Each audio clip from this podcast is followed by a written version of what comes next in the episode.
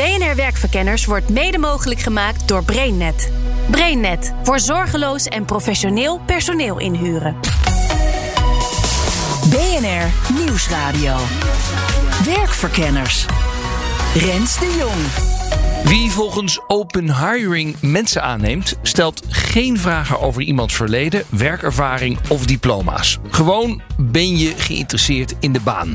En dan kun je aan de slag. Nou, dat klonk in december en eigenlijk nu nog steeds als een doodsimpel idee. Maar dat zijn de beste ideeën. Ja, ja. en leg, leg hem eens in drie zinnen uit dan. Een baan zonder sollicitatiegesprek. Dus je begint te werken en je laat zien dat je het kunt. En als je goed functioneert, dan krijg je een vaste baan. Werkgevers die zo werken vragen zich af waarom ze het ooit anders deden. Wij waren al heel lang op zoek naar, nou, waar krijgen wij nou onze nieuwe talenten vandaan? Ja, en dit leek mij gewoon, dit was zo'n open deur. Ja, open hiring. Maar Ja. dit was echt een open deur. Na anderhalf jaar maakt nog maar een beperkt aantal werkgevers en werkzoekenden hier gebruik van. En daar kan volgens de stuwende kracht achter open hiring nog behoorlijk wat bij. Als je kijkt naar de cijfers, dan zie je dat vorig jaar, en dan, dat is dus voor corona, toen waren er nog steeds, terwijl we toen met een overspannen arbeidsmarkt zaten, een kleine miljoen mensen die zaten gewoon thuis. En een deel daarvan valt onder deze categorie. En dat zijn toch heel gauw een kleine 200.000, 300.000 mensen. En de onderzoeker van deze methode is zelf ook fan geworden. Ik heb onderzoek gedaan ehm, naar eh, wat het voor mensen heeft betekend. Dus de mensen die aangenomen zijn bij open hiring. Nou, en ik heb echt prachtige verhalen gehoord. Nou, daar krijgen we ongetwijfeld meer over te horen. Maar er is ook wel iets kritisch over op te merken. Wat je in ieder geval ziet in de eerste eh, pilotbedrijven... is dat het allemaal ongeschoold of laaggeschoold werk is. Dus je weet niet of dit nu ook gaat werken voor, ehm, voor banen... waar je dus ook bijvoorbeeld eh, van bepaalde diploma's... of van bepaalde vaardigheden uitgaat. Een vraag waar ook de werkgever mee worstelt. In de uitvoering van de schoonmaak is het echt inmiddels ja, de gewoonste zaak van de wereld. Vinden we het nul probleem. Maar de vervolgvraag is, kunnen we dit ook op andere plekken doen? En, eh, en dan is de, de eerlijke, echte vraag die je stelt, durven we dat? Nou ja, dat, daar zijn we nu mee bezig. Werkverkenners. Open hiring is dus een hele eenvoudige manier om mensen te werven voor in ieder geval een gedeelte van de arbeidsmarkt. Maar waarom zou je? Welk probleem lost het eigenlijk op? Met welke verwachting zijn mijn gasten zich met open hiring gaan bezighouden?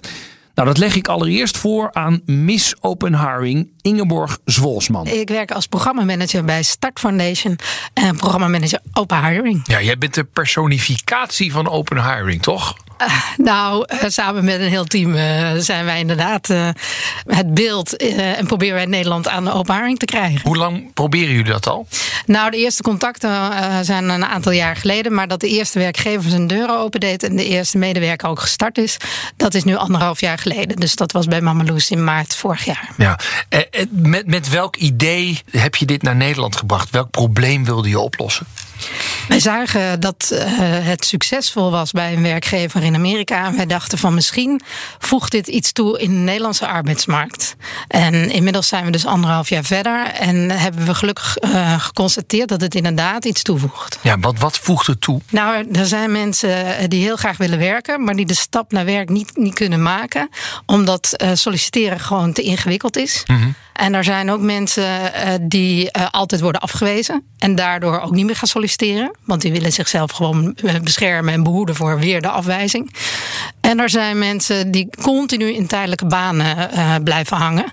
En voor beide brengt open hiring eh, een oplossing. Want het is geen sollicitatiegesprek, maar hoe kom je dan binnen? Je, je meldt je aan op een lijstje. Ja, de werkgever is heel transparant over het werk wat er ligt. Die maakt dat kenbaar. Eh, iemand gaat er naartoe, naar de werkgever, en die zegt: Volgens mij kan ik dit. Zet zijn naam op een lijst. Krijgt vervolgens nog een keer informatie over wat het werk precies inhoudt. Daarna wordt hij uitgenodigd en krijgt hij nog eens een keer een rondleiding op de werkplek. En als die persoon denkt: van nou, dit werk kan ik, dan zegt de werkgever: Oké, dan kun je eh, beginnen. Kun je maandag beginnen. Dus in plaats van dat de werkgever oordeelt, kan iemand dit? Gaat de werknemer zelf zeggen, nou, dit, dit kan ik wel aan. Ja, ja dus het, je legt het helemaal aan de andere kant. En normaal gesproken zijn werkgevers, en moet je als sollicitant word je echt helemaal eh, op de pijnbank gelegd. En moet je alles vertellen. En weet je eigenlijk heel weinig over het werk wat je gaat doen. En in dit geval draaien we het helemaal om. Dus de werkzoekende, die krijgt alle informatie die hij nodig heeft. En op het moment dat de vacature dus openvalt, dan is gewoon de eerstvolgende aan de beurt. En die mag laten zien dat hij het werkelijk kan. En wat voor bedrijven hebben dit nu al allemaal gedaan?